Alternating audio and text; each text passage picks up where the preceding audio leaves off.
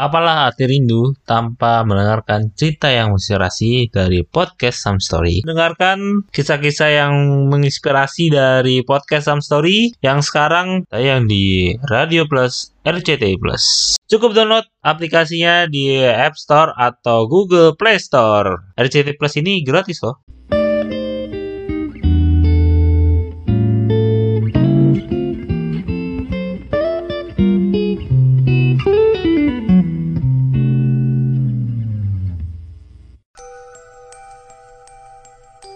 Halo, balik lagi di podcast Some Stories, dua cerita yang serasi bareng gue Adam. Dan seperti biasa di malam minggu ini gue bakal nemenin teman-teman semua yang mungkin lagi nggak ke mana-mana ataupun lagi mana pun teman berada ya yang dengerin podcast Some Story. Dan kali ini mungkin ada sedikit berbeda dan gue juga bawainnya sendiri karena uh, beberapa co-host yang biasa nemenin gue lagi sibuk ya. Dan ada lagi juga kali ini tuh beda banget sama sebelum-sebelumnya yang biasanya gue ngambil tema sekitar mungkin edukasi, cinta, ataupun yang passion gitu, olahraga, mental health gitu. Ini sebenarnya kita sempat ngadain survei juga itu ya. survei dari netizen sebenarnya konten apa sih yang mau dibawain sama podcast Story dan banyaknya bilang kalau mau kita bawain soal horror gitu. Tapi ya sulitnya horror gitu ya. Nah, biasanya podcast-podcast banyaknya itu monolog gitu yang mungkin kebanyakan itu yang multi host atau yang ramean gitu ya tongkrongan dan gitu. Dan ini sangat out of the box dari podcast Some Story yang biasanya kita membawakan tema-tema yang tidak berbau horor gini gitu. Ini jadi challenge juga dan gue juga semakin tertarik bawainnya karena gue juga pribadi punya banyak sih cerita horor ada beberapa gitu ya dan biar seru gitu ya biar gue juga nggak mungkin merinding sendiri. Di sini kita kedatangan satu gestar yang juga punya banyak cerita horor yang gue juga pernah sebelum rekod sudah banyak ngobrol juga sama dia. Oke di sini ada soalnya ada Syahla. Halo Syahla. Halo. Halo apa kabar? Baik kak. Lalu lagi sibuk apa nih kamu? Kalau aku paling lagi sibuk sekolah aja sih karena kan baru naik kelas 12 ya mau lanjut ke semester 2 sekarang kan hmm. lagi sibuk-sibuknya uh, les ngerjain tugas-tugas kan numpuk-numpuknya tuh iya iya bener sih aku ngerasain juga hektik ya dulu waktu kelas 12 les sampai malam. Mm-hmm. terus nah, besoknya harus berangkat pagi. Karena kan rumahku ke sekolahku lumayan ya. Oh, yeah. kita kalau misalkan macet sampai 45 menit sampai sejam gitu ya. Kalau nggak macet bisa setengah jam. Cuma tergantung jalanan. Jadi kita semakin pagi berangkatnya semakin aman lah. Jadi main guru kalau telat. Iya. Masih rame ya dulu sebelum pandemi. Iya bener sih ngerasain gimana harus hektiknya ngejar jam pelajaran gitu di pagi hari. Nah, mungkin kelebihannya keenakan secara kuliah online atau belajar online gitu ya. Nah, bangun pagi ya udah santai gitu, iya. mandi juga. Gak perlu mandi bahkan mandi, ya, bahkan langsung iya. zoom aja. Langsung zoom aja. Gak ada dan yang tahu. Karena juga nggak wajib open cam jadi santai lah.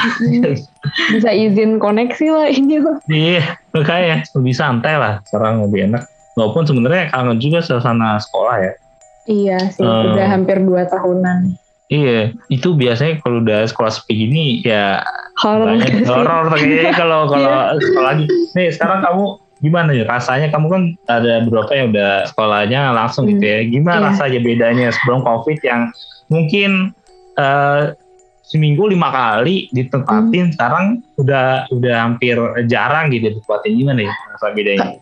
Rasanya kayak mungkin aneh juga kan sih? Biasanya kita kayak pulang-pulang sekolah atau awal-awal masuk rame. Kalau ini mungkin kayak aku aja sekelas bisa sampai cuma tujuh orangan yang lainnya hmm. di rumah gitu-gitu.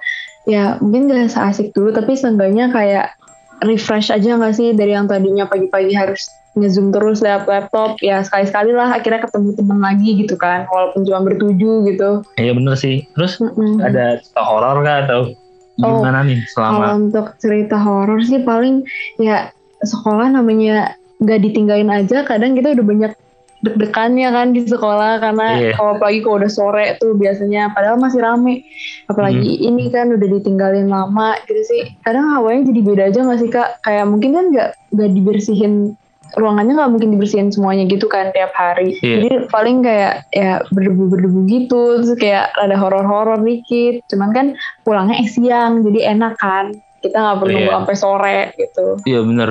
Uh, aku juga ngalamin karena kan orang tua sih orang tua aku sibuk ya jadi makanya aku sempat disuruh naik liputan karena ya daripada pulang sore nunggu sampai sepi banget ya. Iya. sampai gak ada orang tinggal OB gitu. Itu kan yang serem kayak gitu kan iya, iya bener. Nah ngomongin sekolah-sekolah kamu ada cerita horor di sekolah sama cerita horor hmm. di sekolah. Aku um, selama SD SMP sih belum ada ya yeah. SMA juga karena kepotong pandemi kan cuma setahunan aku nyobain di situ cuman emang kalau di SMA kayaknya banyak cerita-cerita horor dari kakak kelas kelas aku alumni itu banyak kok SMA kalau hmm. kalau SMP aku belum pernah denger sih ya ceritanya mau langsung ceritain aja atau gimana Ya, langsung aja boleh boleh. Uh, boleh.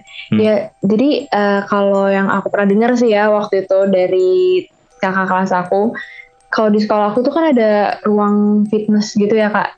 Iya. Yeah. Tapi jarang kepake karena kan uh, olahraga banyak tuh. Kadang lebih suka anak-anak lebih suka di lapangan. Nah, waktu hmm. itu ada nih satu anak yang iseng mau coba ruang fitness. Aku lupa dia antara sendiri atau berdua gitu ya. Tapi katanya okay. uh, udah nih dia fitness mungkin sejaman sejaman uh, lebih lah tapi dia ngerasanya nggak bisa dibuka nggak bisa dibuka pintunya dia ngerasa kayak ya udah deh uh, tunggu dulu aja dia fitness lagi. Karena ngerasanya masih bentar doang kak baru kayak olahraga dikit-dikit doang. Hmm, terus okay. akhirnya dia dia udah bisa nih pintunya kebuka dia keluar dicariin. Katanya ternyata udah lama banget udah udah di udah dicariin ke mana-mana ngilang lama banget. Jadi mungkin kayak udah lewat berapa pelajaran padahal rasanya dia cuman kayak fitness fitness dikit doang gitu waduh ada yang ngunciin tuh berarti uh -uh.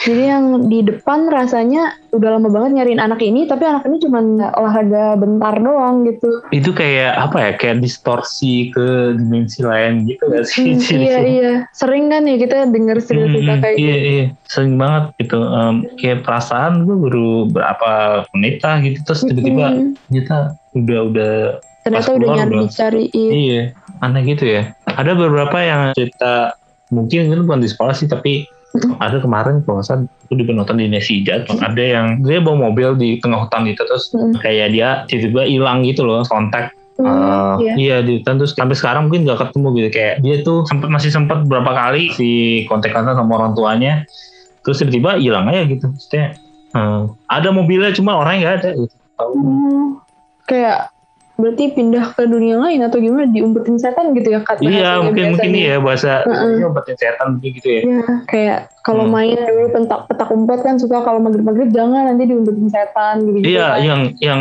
uh. umpetin kalau nggak salah itu kalang wewe namanya yang hmm. malu iya malam-malam tuh suka kalau maghrib maghribnya nggak boleh makanya kan pamali keluar maghrib maghrib ya iya. uh, nah itu karena itu apalagi anak kecil saya hmm. diculik tuh Iya, dia ngerasanya mungkin main doang, tapi itu nyariin lama banget tau Iya iya bener. Iya ada yang lihat. Terus apa lagi nih? Kalau dari aku sih paling aku belum pernah ada yang apa sih serem banget yang benar-benar kayak ngerasain uh, dipegang pundaknya lah atau apa oh, kayak iya. atau ngerasain paranormal yang sampai digedor-gedor gitu belum pernah hmm. sih. Tapi kalau aku seringnya ini kak kayak misalkan lagi di tempat wisata yang udah lama gitu ya maksudnya oh, iya. tempat-tempat wisata yang sakral gitu Uh, hmm. Jadi kayaknya aku ngerasa sensitif atau gimana gitu ya. Aku selalu kayak ngerasa mual lah, inilah, rasanya pusing lah. Kalau udah kelamaan di situ gitu loh. Terus bawaannya jadi bete, kayak pengen marah-marah terus gitu. Energinya nggak enak gitu loh. Uh, hmm. Sempet sih beberapa kali aku coba uh, ke tempat wisata itu dua kalian gitu. Awalnya yang pertama aku cuma mual-mual aja kayak uh, pusing mual karena masih kecil juga kali ya. Aku mikirnya dulu kayak karena udah kebanyakan jalan muter-muter gitu kan. Akhirnya udah hmm. aku balik nih. Yang kedua aku coba lagi ke tempat wisata itu.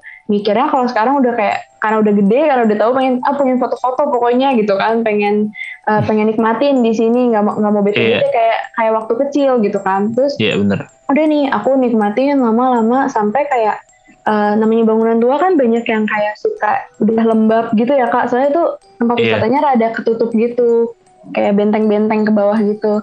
Nah, gitu aku ngerasa kayak wah mual banget bener-bener kayak ada di ujung pengen muntah, mual banget pusing. Tapi jadinya nggak marah-marah sih, lebih kayak cuma kayak ayo mau udah pusing mau mual mual gitu kan aku ngomong mau balik mau balik gitu kan. Hmm.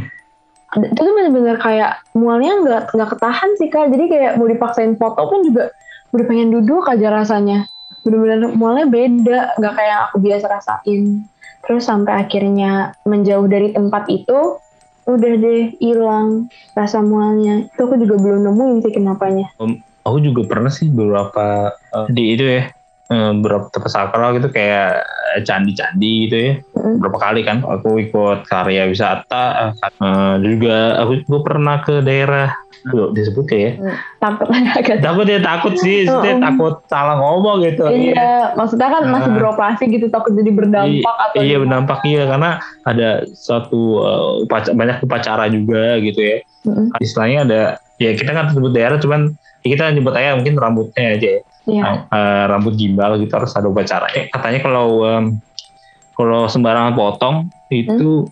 bisa anaknya sakit karena kan di sana katanya itu ada ada yang jagain ada gitu. Iya, kepercayaan gitu ya. ya khusus gitu. Jadi emang kalau mau dipotong rambutnya itu harus ada upacara dan emang sesuai sama anaknya mau gitu. Hmm. Mm. Gak boleh ngasal ya? Iya gak boleh cukup ini juga ya. Eh, kenapa juga hmm. lumayan hingga terlalu lama sih dua tiga hari waktu itu di sana. Padahal ada penelitian juga kayak tulis waktu itu. Iya. Kadang hmm. takut kayak gitu sih kak. Kadang misalnya kita ke satu kota di mana yang mungkin kita tuh belum tahu kulturnya atau ada apa kepercayaan-kepercayaan khususnya takutnya salah-salah yeah. kayak sebenarnya kita nggak tahu jadi nggak sengaja tapi malah berdampak kita gitu kan kalau kayak ada juga kan biasanya tempat-tempat wisata yang kalau lagi M nggak boleh gitu-gitu kan. Oh iya iya iya. Uh, iya ada juga yang takut gitu. Emang kayak kayak dikasih kamar khusus kayak yang um, di pantai selatan misalkan hmm, ya kan ada iya. ada kamar hotel khusus terus ya emang juga. iya terus juga iya. nggak ya. boleh pakai warna baju warna apa hmm, gitu kan betul betul Di, ya. beberapa ya ngeri juga sih iya kadang percaya nggak percaya sih tapi seenggaknya kita kayak ya menghormati aja nggak sih kalau emang yeah. kepercayaannya kayak gitu hmm, iya, iya benar Oh karena aku juga pernah ada cerita tuh kak. Apa Jadi ceritanya kalau nggak salah di suatu daerah uh, tempat wisata gitu, uh, dia uh, dia ini lagi M, tapi hmm. dia maksa dia dia maksa mau uh, apa namanya tetap datang gitu ikut keliling sama teman-temannya. Terus sampai sampai Jakarta itu kalau nggak salah uh, darah haidnya itu nggak berhenti berhenti gitu. Oh. Uh, sampai akhirnya bingung dong ke dokter, ke dokter juga dokter niatnya normal-normal aja nggak ada hal-hal mungkin kayak penyakit dan lain-lain. Sampai hmm. kira coba tanya orang pintar katanya harus balik lagi ke tempat itu balik lagi ke tempat itu.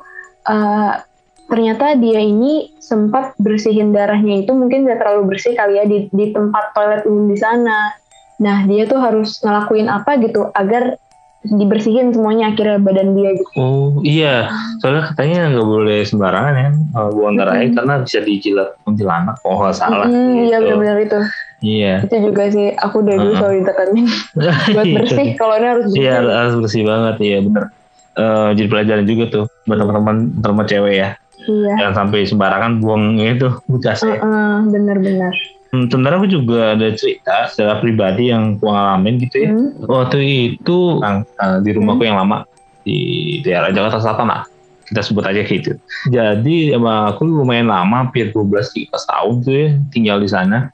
Karena sebelumnya aku tinggalnya di Depok, nah, pindah ke Jakarta Selatan tahun 2001. Hmm. Nah, sampai di sana mungkin apa ya? Di awal-awal aku karena emang udah mulai gede juga waktu itu udah mau yeah. tahun gitu ya itu emang berasa sih serem banget sih emang tetangga tuh masih mungkin lampunya nggak seterang sekarang masih iya gelap banget soalnya aku rumahnya termasuk yang tengah-tengah dan depan rumahku tuh kebun gitu kebun ada ya hmm. kebun nggak terlalu jauh tuh ada apa ya kayak bambu-bambu gitu dan hmm. nggak jauh ada apa kuburan katanya sih pas ada kiai yang datang atau uh, yang bisa misalnya ngerti lah gitu. Uh, yeah. Nah, kata itu emang kuburannya jagoan Betawi, jadi emang dikeramatin uh, gitu kuat dan gitu ya.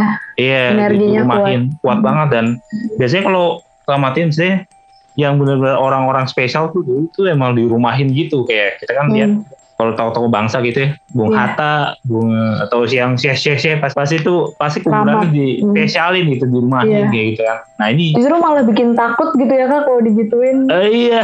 daripada kuburan biasa. Iya. Terus waktu kecil tuh aku bodohnya atau karena anak kecil ya yeah. gitu. Ya. Iseng. Pernah keberat kencing kencing aja nggak jauh hmm. dari kuburan itu dan hampir kencing gitu. Uh. Untungnya Panggungnya bisa masih bisa aman. Mirip-mirip berarti mirip-mirip yang tadi kali ya yang tentang height tadi. Iya, ya. kita juga masa kalau kalau cewek kan height kalau uh, cowok tuh kencing. Nah, iya. Gak bisa ditahan. Mau air gak bisa ditahan. Jadi kalau itu kalau aku kan anak kecil jadi ya udah. Hmm, iya. Terus waktu itu dulu sempet kita tinggal lumayan lama ya. Kita kayak aku tuh ngajak ponakannya gitu hmm. ya sepupu aku lah kalau sepupu aku tinggal di sama aku dan tinggalnya di rumah tangga kita ada tiga kamar tiga kamar utama empat sama maksudnya asisten rumah tangga di belakang lah gitu ya yeah. ada tiga kamar dan dari tiga kamar emang yang berdua kemarin tim aku ada cerita pas kita lagi meeting gitu ya kita bahas ada yang nanti next akan membawa seputar indigo dan dia aku di, dia itu mm -hmm. gitu kan. Uh, boleh nggak terawang gitu kayak ya udah terawang penasaran ya penasaran aku kayak pas itu ya emang bener sih uh, ada. emang ada kalau huh? kalau gini kan audio ya jadi ya. uh, kebetulan emang rumahnya sempat dijual juga jadi ada fotonya nih hmm. uh, oke okay, kita lihat ya ini ya ini bagian depannya nah ini bagian yang ini bagian depan nih Nah, abang ada pohon bimbing dulu gitu ya di sini. Hmm. Nah, ini kan rumahku tengah-tengah di sebelah kanan rumahku tuh ada, itu kan emang beberapa kali sempat yang malam-malam kalau sepupuku hmm. lagi, kan kakak beradik ya, jadi yeah. kan dua gitu. Dia lagi tidur terus kayak jam berapa ya jam satu jam dua gitu bangun gitu. Hmm. Terus kayak lihat um, kakaknya itu uh, bayangan hitam gede banget gitu di atasnya hmm. beban gitu. Di atas dia. Nah, mirip-mirip uh, ketindihan gitu kan ya kak? Iya, ini, ini yang kamar dalam isi kamar tengahnya ini. Hmm. Nah, ada satu jendela gitu dan katanya juga di depan jendela itu uh, amat kuat. Ya, aku sumpah ini merinding asli. Iya, iya sumpah ngeliatnya juga aku Padahal kosong ya kelihatannya di situ.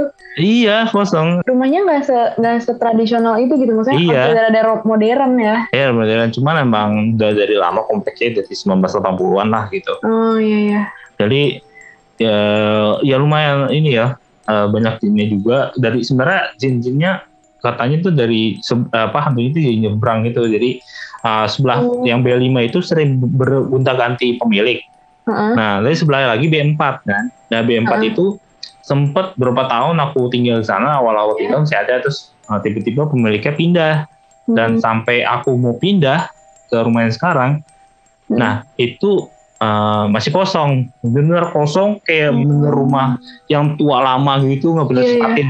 ngerti ngerti nah itu kan banyak kan ya suka yeah, nyebrang juga juga kayak gak ada yang hmm. diganggu nih kan dan yeah, nyebrang yeah. aja deh gitu jadi bener-bener iya apalagi katanya kalau kayak kamar aja atau rumah nggak ditinggalin tiga hari aja itu katanya udah harus dibersih bersihin kan iya benar harus digajah-gajiin makanya setiap kali aku mungkin mudik ya hmm. itu selalu setiap kamar tuh diazanin. Hmm, iya hmm, benar-benar. Apalagi kalau kayak kita ke tempat mana yang kita nggak tahu harus banyak-banyak permisi gitu-gitu ya. Iya, benar, benar, benar banget, benar banget. Nah, mungkin yang cerita yang aku alami kalau uh, kasus selain yang bayangin itu juga pernah malam-malam jam sekitar habis isa lah. Jadi uh, ada di di Lakas kan tuh di sini. Hmm. Ada putih gitu kayak tuyul gitu, lewat gitu. Lewat cepet cepet aja gitu terus hmm. pas lihat dompet cek dompet hilang ini serius mau serius iya yeah. jadi ceritanya gitu emang alkas pun bilang iya waktu itu rame lah istilahnya rumah hmm. gempar lah loh yeah. apa gitu tiba-tiba oh tuyul lewat gitu pas dicek hmm. dompet hilang gitu hilang. pas dicek ke depan rumah ada sekitar bawa bapak sekitar 40 atau 45 ya hmm. 40 sampai 50 tahun lewat depan rumah sambil hmm. ngebungkin badan dan hmm. uh, tangannya di belakang kayak lagi gendong sesuatu. Oh iya ngerti. Uh, uh, nah itu mungkin wah, gendong itu ya. Iya. Yeah. Wah, serem sih. Nah, di rumahku juga beberapa kali komplek aku juga eh, aku lihat gitu ya. Hmm. Ada itu itu kayak babi nyepet gitu lewat. hmm. berapa kali gitu Iya nggak tahu sih ini yang lewat ya. iya lumayan makanya aku tuh kalau udah di atas maghrib udah malas banget keluar rumah iya sih sama aku juga um, kecuali kayak kadang kalau kayak pertengahan antara maghrib mau ke malam tuh takut cuman kalau di malam malam beneran nggak apa-apa gitu kalau yang yeah. pertengahan pertengahan petang gitu kayak serem uh, kalau yang aku alami sendiri ya uh, hmm. benar-benar aku sendiri oh, jadi sekitar sama aku kenapa nggak tahu kenapa emang jamnya jam 8 gitu ya habis oh, iya, selalu selalu gitu hmm. terus aku lagi duduk lah di sini di ruang tengah tuh kayak pakai kursi yeah. Iya. uh, apa yang bisa naik turun terus muter-muter juga gitu tahu gak sih oh, kursi iya. kerja gitu nah, tahu, aku colokin Nintendo Wii juga di, di sini gitu ada TV di tengah uh -huh. uh, kemudian lagi waktu itu uh, TV kabel lah istilahnya yeah. waktu itu malam-malam lagi nonton Adam Sandler uh dan dan uh, abis main game juga main gamenya dan aku colokin game konsol aku di Nintendo Wii itu ke belakang kamar tengah ini. Jadi kamar hmm. tengah posisi dibuka. Hmm. Nah, kabelnya di sini ngeliat gitu. Kan kalau kabel kalau itu ya lemas kan ngeliat-ngeliat gitu kan.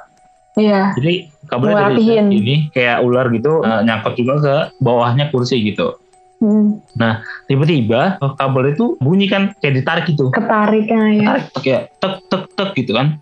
Terus aku cek lah, kok bunyi gitu. Apa sih? Nengok ke belakang, terus tahu-tahu kabelnya kencang kayak oh. Gitu. Lurus apa, gitu. iya tegang gitu ah, ya, kayak gitu. tegang gitu dan tiba-tiba pas yang ke belakang kayak kamar kamar ini gelap gitu. Posisinya gelap. Hmm, nggak hmm, mungkin dong ada orang ah, iya orang nggak ada orang orang, orang ay- ada posisinya hmm. ada aku tidur di kamar aku terus ay- ayahku baru matiin lampu gitu kayak.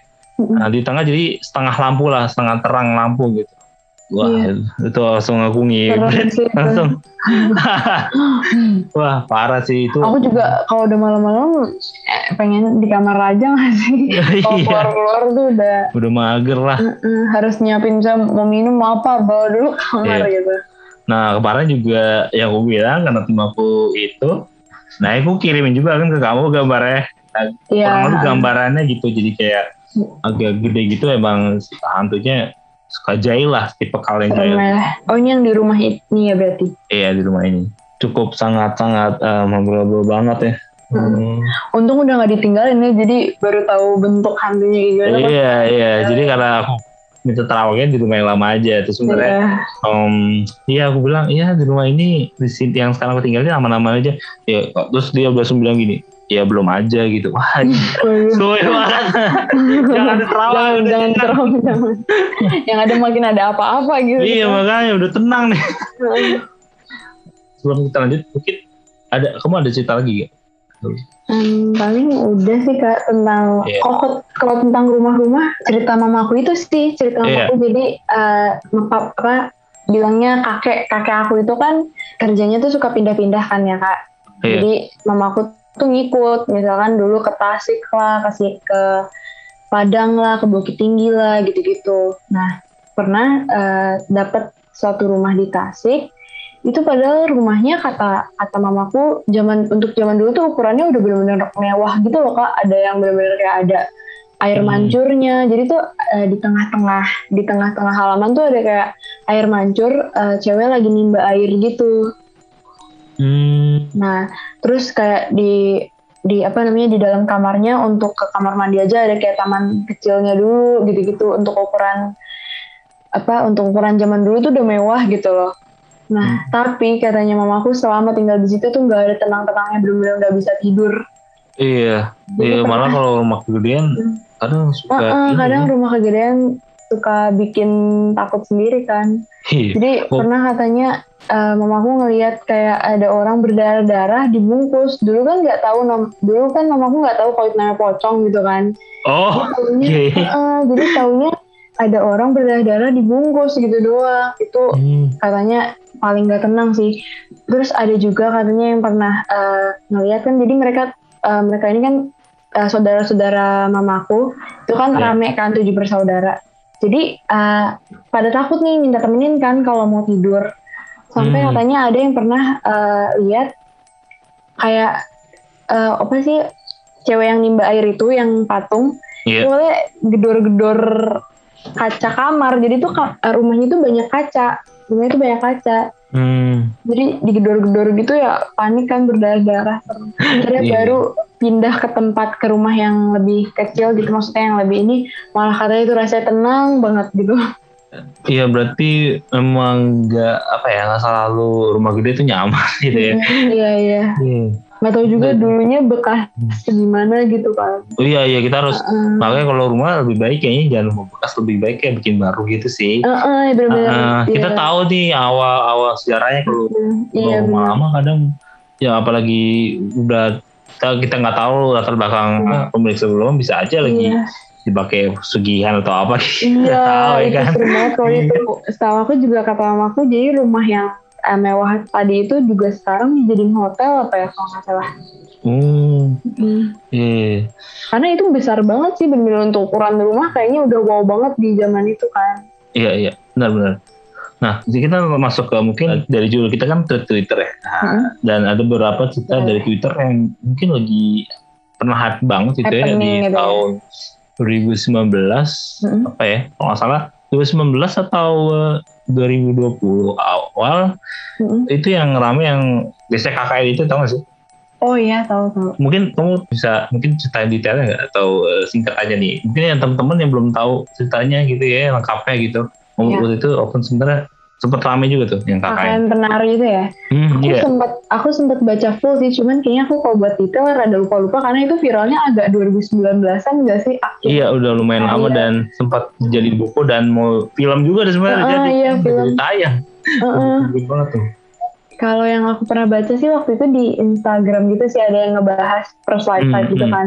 Hmm. Uh, ceritanya dia KKN gitu ya sekolah yeah. salah ada ada beberapa cowok ada beberapa cewek aku lupa pasti uh, berapa kalau nggak salah dua cewek dua, tiga cowok oh ya antara hmm. antara kebalikannya nggak sih kak aku ingatnya dua cowok dua cowok tiga cewek iya kalau nggak salah itu ya berarti uh -uh. ya. terus sempat ada satu apa sih ada dua yang suka-sukaan gitu atau gimana ya? Aku lupa deh. Iya iya ada ada uh, dia suka-sukaan gitu. terus ternyata selama kakaknya itu dia ngelakuin hal maksudnya aneh-aneh gitu ya di, di luar ya kan?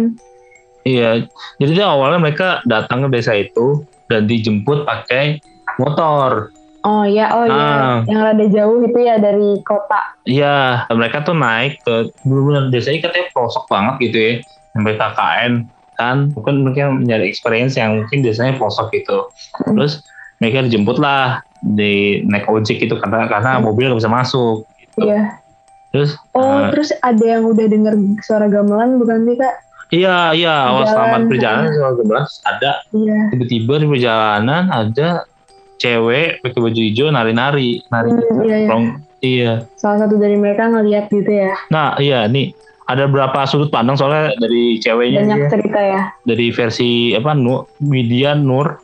Nur ya. Iya yeah, waktu itu. Dan um, sempet rame banget ini ceritanya. Terus mereka kan kakaknya lah lain gitu ya. Mulai yang sebenarnya yang aneh-aneh tuh ada satu cowok lupa namanya siapa ya. Mulai aneh-aneh karena sebenarnya satu cowok ini naksir si Widya kalau nggak salah ya Iya. Pokoknya karena dua versi ada yang versinya si Widya itu kalau nggak salah si Nur yang nari itu malam-malam. Terus iya, uh, dia ngeliat. Uh, uh, karena sebelumnya dikasih apa ya semacam kayak... barang yang ada ilmunya gitu. Uh, Jimat mahkota, gitu. iya. Oh, mahkotanya iya. siapa gitu diambil uh. dari situ terus kerasukan itu gangguin iya, si iya. itu nari gitu kerasukan gitu. Uh -uh. ini ini cerita yang lumayan apa ya complicated dan fokus juga sih. Kok iya. bisa gitu ya? Hmm. di tempat aku orang. rada nggak ngerti gitu loh sama alur ceritanya kan. Katanya ada yeah. katanya dia nemuin suatu kayak desa yang isinya orang-orang nari semua apa gimana gitu kan. Dari beberapa versi waktu itu. Iya yeah, bener. Mm dia ngerasanya rame gitu. Padahal ternyata cuma dia hmm. doang sendiri di situ. Hmm bener dan jadi banyak pelajaran juga sih emang KKN yeah. yang tadi. Yang aku pernah cerita juga di awal kan kalau dapat orang tuh ya ya harus ada tata krama gitu sih. Mm, betul betul. Kita nggak tahu ya apa mm. apa sih namanya peraturan-peraturan di sana. Kayak harus nurut-nurut aja nggak sih? Iya bener. Dan kemarin juga yang mungkin yang baru-baru viral juga nih uh, judulnya di Twitter Twitter itu niatnya ngekos uh, biar happy New Year eh malah digangguin setan hmm. gitu. Nah, tau gak, yang itu? Iya ya, aku pas sempat lihat di Twitter tapi nggak terlalu baca banget sih. Nah, mungkin aku akan ceritain secara mungkin secara singkat mungkin teman-teman boleh, boleh. waktu itu pernah masuk juga YouTube-nya beberapa youtuber gitu ya. Hmm. Karena soalnya di dari Twitternya udah dihapus karena katanya dia yang uh, ceritain masih diganggu. Oke. Jadi tuh awalnya nih pengalaman digangguin bukan sembarang hantu ini berlangsung selama gue ini bahasa bahasa dia yang ceritain ya. Yeah. Sama gue ngekos di salah satu kosan di Jogja selama 4 tahun. Singkatnya cerita gue uh, nemu kosan ini setelah lulus tes kuliah. Jadi dia habis lulus SBM atau apa gitu ya mandiri yeah. ya langsung nyari nyari itu kosan terus dia benar-benar dari kamar uh, Aji yang gelap kulitnya keluar tuh kayak kakek-kakek bener-bener nggak pakai baju bentuk kayaknya kayak kayak titan. Tahu gak sih ya? Viral juga tuh ya awal iya iya itu titan. Awal banget tuh. Terus yeah. Iya. uh, Doi Doi tuh cuma maju sebentar kayak nongolin ke depan gue terus mundur uh, lagi ke dalam kegelapan. Di situ gue kayak aduh salah milih kosan nih gue kayak gue hmm. gitu. Lusanya kemudian habis pulang ngerjain tugas jam 2 pagi baru lalu tas. Eh wah ada yang nemuin mainin gue gagang pintu spotan gue gue ngambil HP lu video daripada dibilang hoax. Eh pas buka der der door hatiku. Ternyata gak ada orang yang benar-benar jam 2 yang iseng. Wah. Ini juga ya jam 2 pagi. Jam 2 pagi terus kayak ada yang iniin kalian gagang pintu ya nah mm -hmm. mungkin ini audionya aja ya. Uh, kita mm -hmm. ada audionya untuk yang yang mainin video itu sebentar. Dari kamar mandi. Nggak ada. Siapa-siapa? Wow. Wow, wow. Merinding. Aduh. Ini baru gagal pintu ya. Terus kayak ini benar-benar uh, sembilan di lantai kos semuanya pada pulang kampung di lantai uh, bawah. Cukup ramai ada keluarga dari kos soalnya gangguannya luar biasa di atas uh, di atas mulai jemuran pakaian jatuh sendiri. Terus tengah, di tengah-tengah aku baca yasin. Terus uh, terus ada benda yang pindah sendiri pintu kamar sebelah aku buka sendiri. Uh, pernah aku juga di aku bangun tidur itu ada yang muar-muar di badan terus ada beberapa kali berantakan uh, kamarnya gitu ada. Dia videonya juga terus lapar jam 2 pagi turun makanan ke kantin kejujuran dan di bawah itu ada suara kayak rame-rame ketawa gitu tapi pasti deket hmm. hilang. Ini cukup complicated ya gangguannya ya. Nah yang paling epic itu pas dia mau pulang tuh jadi pas mau pulang bulan Februari ada yang aneh banget pas di lantai atas sisanya sama ada namanya Bang Andra temennya gitu temen kos hmm. ada rambut banyak-banyak kul-kul kayak gimbal gitu di sisi setiap balkon. balkon Nah, dari ya, apa namanya kata ibu kos ternyata tuh bukan rambutnya dia gitu. Dia juga panik. Serem juga ya mana dia cowok lagi gitu ya. Oh, iya makanya. Terus kata teman-teman yang indigo itu penuh. Jadi tuh jadi rambut perempuan penunggu sana gitu, yang gimbal. Oh. Uh, pakai pakaian merah gitu. Nah itu gangguan terakhir yang dia terima sebelum dia cabut dari kosan. Pindah kosan. Nah ini boleh Oke, ntar kita mungkin ada ya. Uh, ya. Kita klip mau muterin berapa klip ya? Boleh boleh. Gak ada merinding ya kalau udah mulai video. nah ini sama masih sama. Nah ini yang mungkin berapa kali diganggu ya. Banyaknya sih gagang pintu yang dimainin ya. Mm -mm, Nah ini ketok-ketok. Kue siapa tuh? Halo? Oke, okay. berani juga ya sampai di Iya, dia berani banget loh. Panggilin gitu. Dibuka dong. Oke, okay. oh, dibuka nggak ada orangnya. Dong, gak ada orangnya. Oh, itu berani sih, jujur. Iya. Nah, nih, ini yang epic. Nah, itu suara lagi bersihin bersihin rambut kayaknya. Tersudut ada rambut. Banyak kan ada ah, berapa banyak? Enam belum dihitung yang dia gila gila, gila. sih itu itu epic sih menurutku. Hmm. itu bener wah gila sih.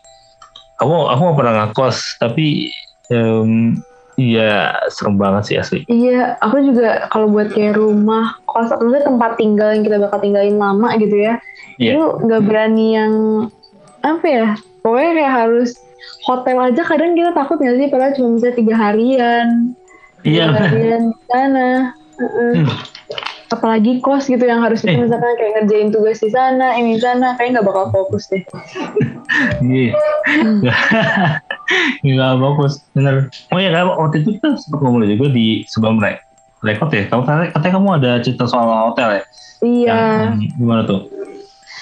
Kalau aku sebenarnya sebelum cerita ke hotel ini kalau aku kan jujur emang orangnya nakut banget ya. Jadi kayak kadang apa aja di rumah aja harus mencari teman yang gak bisa sendiri gitu. Nah, jadi kalau udah mulai-mulai kayak ke hotel gitu-gitu ya udah udah pasti harus misalkan kayak uh, ke mana-mana temenin ini temenin gitu kalau aku seringnya sih uh, aku sama beberapa sepupu-sepupu aku gitu ya sama tante aku juga sering nemuin di hotel tuh pasti ada satu hotel satu kamar hotel yang disediain tuh berantakan gitu. Hmm. Kakak pernah lihat gak? Pernah nemuin gak? Kayak kayak pernah deh. Tapi uh, berapa nggak setiap hotel sih.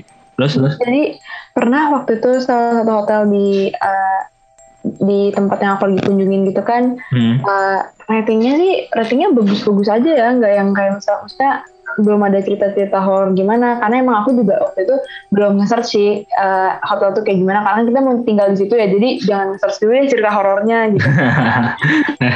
Iya. yeah, terus mm, terus uh, udah nih kita masuk datang adalah satu kamar depan kita persis depan-depanan uh, yeah. kebuka dikit pintunya terus saya mikir wah asik nih ada orang dong depannya gak takut nih kita gitu kan rame yeah. berarti ini hotel gitu kan. Yeah karena di parkirannya pun sepi gitu kak kita ngeliatnya. Jadi aku mikir kayak oh berarti yang emang yang lagi datang ke hotel dikumpulin kali ya di satu lantai biar gak serem-serem amat. Terus uh, udah kayak gitu kita semalam udah nih tidur istirahat. Terus paginya sehari sebelum kita mau pulang itu papa aku sempat ngajak gitu ngeliat gini eh lihat deh sini sini uh, kamar hotel yang kemarin kebuka itu ternyata isinya dalamnya berantakan lampunya ada yang jatuh lah, gordennya copot lah, apalah semuanya pokoknya kayak berantakan kayak orang habis ngapain aja gitu, maksudnya benar-benar berantakan banget. Terus hmm. akhirnya uh, pas kayak gitu kita udah mau check out kan, coba kayak nanya ke orang hotel tuh katanya uh, iya pak eh, nggak uh, apa-apa emang sengaja disiapin di situ gitu. Akhirnya uh, ceritalah ke sepupu aku kan sama hmm. sama ibunya juga yang habis nginep di hotel dan iya. ternyata katanya mereka itu sering nemuin kayak gitu di hotel. Tapi kalau mereka karena tahu kayak ngapain nih kok kamar kayak gini di deketin ke kita gitu kan. Akhirnya uh, kadang suku aku ini suka minta pindah ke, ke pihak hotelnya, mau ganti dong, jangan yang di deket itu. Karena kayak jatuhnya kamar hotelnya ada kayak gudang gitu kak. Aku juga nggak ngerti sih buat apa disediain. Hmm, uh, mungkin apa ya? Buat oh, udah daripada di satu kamar tiba-tiba berantakin nih ya udah nih berantakin buat lumayan lah gitu kayak gitu sih iya kayak aku juga ngeliatnya gitu bener-bener sumpah karena kadang kalau lagi di hotel juga nih suka dengar kayak bunyi kursi digeser-geser lah hmm. ini digeser-geser lah Hmm, kalau kalau kalau aku di rumah aku yang sekarang, oh, iya. kalau malam huh? sering banget tuh bunyi suara orang naik tangga kayu gitu. Oh, nggak hmm. tahu sih kalau di sebelah kayaknya kalau sama ya kan kita klaster bentuknya sama semua gitu ya mm-hmm. kecuali di renov nah mm. itu lantainya itu bukan kayu tapi mm. keramik gitu loh kayaknya nggak mungkin gitu sampai ya, kayak nggak mungkin gitu dan kalau kursi jer-jer gitu tapi kayu kemungkinan dia kalau dia punya gitu. Oh, kalau ya, ya kan? logisnya. Kita coba untuk make sense gitu. Tapi yang gak make sense adalah suara langkah kaki untuk yang tangga kayu itu sih. Ya. Iya. Make sense. Kalau di hotel sih aku sering kan denger misalkan malam-malam gitu ya. Awalnya make sense make sense aja. Oh, nih orang mau lagi ngapain gitu kali butuh apa kursi digeser-geser yeah. gitu kan. Yeah. Tapi lama-lama di setiap apa namanya di setiap hotel di mana aja gitu terus selalu malam-malam logikanya kayak ini kok orang nggak selesai-selesai sih mindahin mindahin kursinya gitu ngapain aja. Hmm makanya aneh banget sih uh, nah ini ada cerita dari netizen dari tim aku uh, hmm. mungkin namanya kita kita nggak bisa sebut tapi dia punya cerita beberapa yeah. dan sebenarnya aku akan ngulik juga nih ter, soalnya anak ibu ya dan uh, ada beberapa cerita kita dengerin ya oke okay. Cerita dari Instagram aku ada orang yang katanya ngeliat pocong terus di atas lemari terus dia lagi tidur di uh, rak buku rak bukunya itu deket sama lemarinya itu. Terus cerita kedua ada orang yang tiap hari hidupnya diganggu sama hantu gitu. Terus kalau cerita aku sih ini awal pertamanya awal pertama kan aku pindah ke uh, karena aku harus lanjut studi di sana terus uh, untuk pertama kali juga aku diskusi di Universitas Semar Universitas Negeri Semarang UNES. Itu kan dia kampusnya besar dan hutan-hutan gitu kan nah aku pulang diskusi itu sekitar jam satu malam. Karena aku backgroundnya itu dari Jakarta aku tuh ngelihat orang pakai kebaya. Ya aku sangka itu bukan manusia biasa gitu. Aku mikir ah bi bi pak paling tuh pemulung. Karena aku mikir apa ya? Karena aku mikirnya kalau di Jakarta jam satu malam tuh masih masih biasa gitu kan ada orang lewat. Nah aku baru mikir tuh teman-teman balik dari diskusi kan sama teman-teman rame-rame sampai udah ngelewatin nenek-nenek itu nenek-nenek itu pakai kebaya terus bawa bawa kayak kayak apa ya bakul terus kayak bawa cangkul gitu. Terus aku baru ngomong ke temanku kamu lihat nggak nenek-nenek kayak gitu? Terus dia bilang e, enggak enggak lihat. Kamu kali uh, apa halusinasi. Sampai situ aku sadar ternyata uh, ternyata memang itu makhluk lain gitu. Dan aku baru sadar juga buat apa dia malam-malam jam satu gitu. Mau mulung juga itu kan di kampus di dalam kampus ibaratnya gitu. Terus uh, cerita kedua sebenarnya banyak sih ceritanya kan. Cerita kedua di kam di rumahku yang lama kamar lama satu hari sebelum kejadian tetanggaku ketabrak kereta dan kepalanya putus aku ngeliat ngeliat uh, hantu tanpa kepala sih. Dan itu tinggi banget dan gede banget. Dan bener-bener badannya gede tinggi kayak pakai kayak baju yang modelnya kayak pakai gamis gitu dan itu nggak ada kepalanya. Terus aku juga sering cerita ketiga aku ini di kamarku pas banget aku di kamar ini. Ya penunggunya tuh agak agak ribet, rewel, rese dan gak suka tempat yang berantakan kayak gitu sih. Dan apa ya? Hantu dan tidak bukan hantu kan aku kan dulu tuh nggak tahu kalau aku tuh indigo kayak aku nggak bisa bedain gitu hantu sama bukan hantu.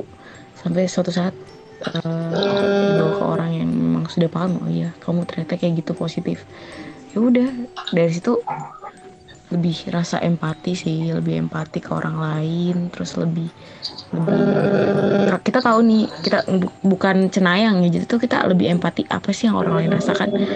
Jadi lebih diem sih. Dulu tuh ngeliat temen yang indigo kayak speak up terus dia lihat dia bilang di tempat ini ada hantu bla bla bla. Kita aku tuh enggak gitu. Maksudnya ya aku tahu gitu itu uh, energi di situ emang nggak bagus. Tapi aku nggak nggak langsung speak up dan lihat teman-temanku yang jadi kayak overacting dan teman-temanku jadi takut ke situ gitu sih. Kalau lebih banyak hmm. kayak diem dan murung aja dan kalaupun uh, komunikasi sama mereka atau apa itu ya udah.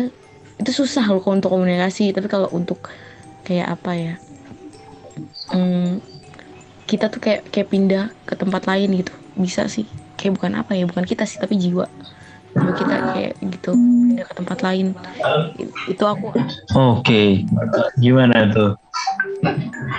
Iya kadang emang suka kalau orang-orang yang indigo gitu suka iseng kan dia kayak e, gue ngeliat nih di sini sini kayak kalau kakak yang tadi kan kayaknya katanya dia nggak mau ngasih tahu kan yang penting kayak oh ya udah yeah. gue tahu di sini nggak enak tapi ya udah nggak mau bikin teman-teman yang lain overreact gitu karena di mana aja pasti ada nggak sih?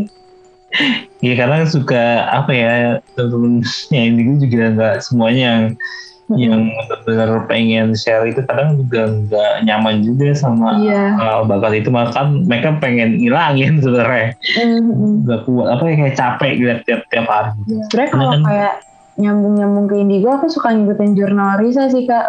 Oh iya. Hmm.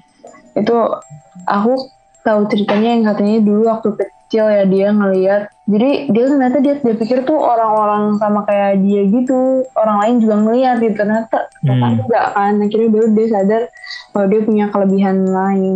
Iya iya iya. Benar-benar lo juga sebenarnya ada ada bakat sih. Tapi aku tuh kayak gak nyaman lah maksudnya kayak oh, tiap saat tuh kayak gak tenang aja hidup hidup mm, yeah. jadi eh, kayak udahlah dihilangin kan potensinya daripada ngeganggu ya iya daripada ganggu paling ya uh, ngerasain aja sih ya. bisa sekarang misalnya kayak ngerasain kalau emang ada sesuatu yang kurang enak gitu orang kayak kamu itu yang tadi kamu ceritain di awal uh, langsung kayak merinding atau emang benar oh, gak iya. nyaman ya.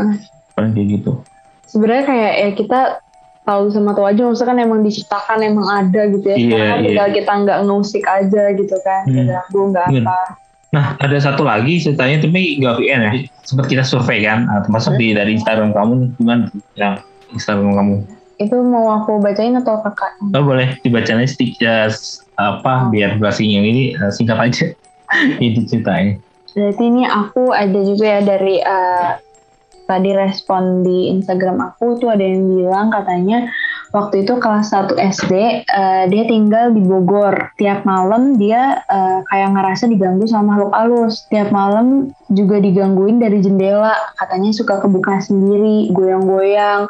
Terus hmm. dia juga punya kursi kursi goyang. Itu pernah gerak sendiri. Kata neneknya itu pernah dengar suara papanya dia di kamar manggilin adik uh, dari yang cerita ini. Terus dilihat hmm. katanya ternyata nggak ada orang. Pernah juga kejadian tiba-tiba mati lampu. Gerah kan karena AC kamar mati. Jadi dia pindah ke ruang tamu lantai dua. Tiba-tiba ada langkah kaki dari tangga. Karena tapi dia nggak bisa pastiin itu siapa karena kan hmm. uh, cuman bawa lilin gitu kan. Uh, di situ dia ketakutan banget sampai dia merem. Tiba-tiba punggungnya kayak dipegang dan dia dia lihat nggak ada siapa-siapa nggak taunya setelah itu uh, lampunya hidup lagi terus kamar pin, pintu kamar kebuka. Di situ dia nggak bisa tidur malam-malam karena kejadian itu. Eh, nggak uh, lama tiba-tiba ada suara anak ayam malam-malam.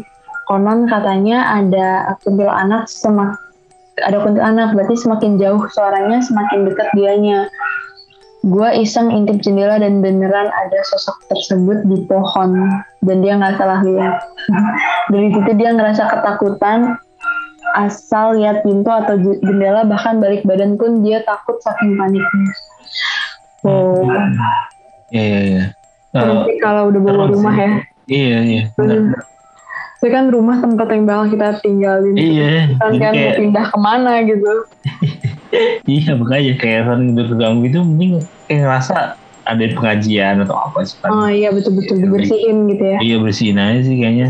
Kalau emang gak mempan juga berarti emang setannya pada buduk ya gak mempan.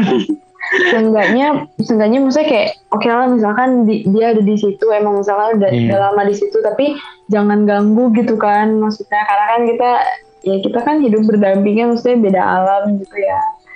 Hmm, tidak mengganggu iya. satu sama lain lah. Nah mungkin ada satu cerita horor lagi ya yang dari Twitter uh, dari yang itu ya Lapindo gimana tuh? Uh, uh, Lapindo. Ya. Jadi kalau yang Lapindo itu judulnya Andong Pocong Begebluk kedua di Indonesia ulah dukun lumpur Lapindo. Jadi singkat ceritanya itu kan uh, dia pernah ada satu teror gaib yang kejadiannya merata sekabupaten sidoarjo kan di hmm. tahun 2007 sampai 2008. Iya. Yeah. Uh, karena dulu kan lagi heboh-heboh lumpur lapindo tuh. Yeah. Jadi uh, diadain banyak sayembara untuk berhentiin semburan lumpur lapindo itu. Nah, hmm. dukun-dukun ini nih berbondong-bondong ikut sayembara, banyak tumbal yang dikorbanin. Sam mulai dari kambing, sapi, sampai kerbau. Bahkan ada yang melemparinya dengan kain-kain putih yang diduga kuat itu kain kafan. Nah, ini cerita dari yang di thread, Twitter itu, dia bilang mulai hari itu nggak ada sama sekali anak-anak keluar malam-malam. Maksimal jam 7 semua udah pulang di rumah. Malam itu kita tidur keruntelan karena lagi-lagi kita ketakutan. Kita tidur di lantai bawah yang bisa langsung masuk ke kolong kasur buat ngumpet. Karena di zaman dulu pas ada teror begebluk, begebluk kalau ada suara ketok-ketok pintu tengah malam, kita harus ngumpet di bawah kolong dipan atau tempat tidur. Biar yang ketok-ketok itu nggak ngeliat mereka karena konon begebuk ini nggak bisa membungkuk. Nah, seberusaha mungkin kita nggak bersuara termasuk adik sepupuku yang udah nangis tanpa suara. Suara ketokan itu berhenti. Kita kira udah reda, tapi ternyata ganti jendela kamar yang diketok-ketok. Awalnya dari depan mulai dari jendela kamarku, adikku sampai ke jendela kamar om tanteku tempat kita sembunyi. Makin deg-degan, gak ada sama sekali langkah kaki di luar. Masing-masing pintu jendela diketoknya tiga kali berselang, masing-masing ketokan jumlahnya genap. Dan diketokan kedua sampai ketiga makin kencang dan keras. Ketokan di jendela kamar tuh hilang, akhirnya mereka kira selesai kan, tapi ternyata pindah ke pintu belakang rumah dan ketokannya langsung kenceng. Langsung gedor-gedor sambil pintu dipaksa dibuka Gak lama selesai, udah berhenti, kita tetap di bawah kolong sampai besok pagi buat jaga-jaga kalau ada apa-apa lagi. Selama rumah kita diteror, suara teriakan dari rumah orang-orang masih kedengeran. Sampai pas suara gedor-gedor itu selesai pun masih terdengar samar-samar banyak kegaduhan di rumah orang-orang. Besok paginya kebetulan hari Minggu, jadi orang-orang pada kumpul di sekitar situ. Semua cerita kejadian semalam dengan versi masing-masing. Semenjak itu sekitar dua bulanan kita sering tidur di kolong.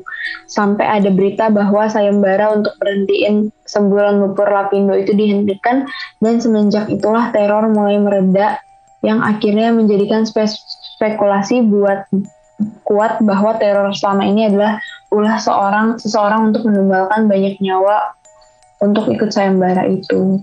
Hmm, ngeri juga ya kalau udah bawa tumbal. Iya. Kalau aku pernah baca ya, aku pernah beli bukunya Kisah Tuna Jawa. Oh ya? Aku Tidak. sering nontonin YouTube-nya juga. Oh ya. Uh. nah, aku baca di buku itu emang uh, dari zaman dulu kalau hmm. mau bangun sesuatu tuh harus apa kayak ada tumbal oh, gitu sih. Iya, tahu tahu. Biar lancar eh tumbal iya. proyek-proyek itu. Uh, Terus juga kemarin ini sempat viral juga kan ya yang dibahas kisah tanah Jawa ada kayak di suatu pertemuan di Pondok Indah itu juga iniin tumbal brondong tau gak kak? Hmm iya iya. Uh, ada ada beberapa emang kalau proyek-proyek itu emang uh, ya itu tumbal. Jadi harus makanya ada tumbal.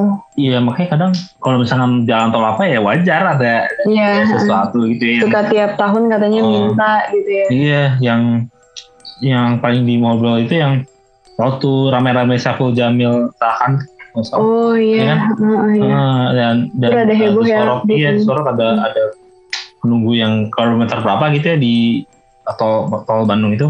Hmm, tol Bandung, 80-an ya. sih. anak merah kalau nggak salah itu. Jadi uh, ya emang sudah emang udah, udah bertahun-tahun juga tuh Lepur hmm, itu ya. Iya. Hmm. Kalau bicara soal tumbal-tumbal gitu ya kadang kayak emang harus hati-hati aja nggak sih kadang kayak yeah. banyak cerita yang dia nemuin uang apa di jalanan dia ambil terus ternyata taunya dia kenapa-napa karena itu salah satu bentuk dari tumbal itu. Hmm, nanti uh, harus jaga-jaga sih emang nggak hmm. sembarangan ya. Karena beneran ada gitu ya ternyata. Iya, ternyata emang bener dekat gitu ya. Iya.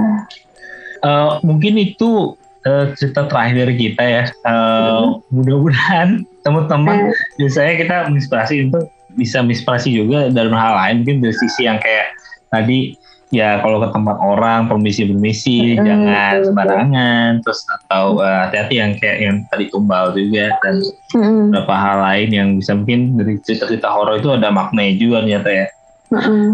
dan uh, terakhir mungkin dari Syahla kalau teman-teman ada yang mau ngikutin kegiatan kamu mungkin oh iya boleh. Uh, aku biasanya aktif di Instagram aja sih paling uh, di hmm. @syahlamira. Oke, okay, jangan lupa di follow teman-teman ya. Terus uh, kalau ada teman-teman yang mungkin apa ya ada ide konten atau ada cerita horor juga boleh nih uh, langsung hit us up on Instagram at podcast underscore some story dan juga bisa lewat email kita podcastsamstory@gmail.com.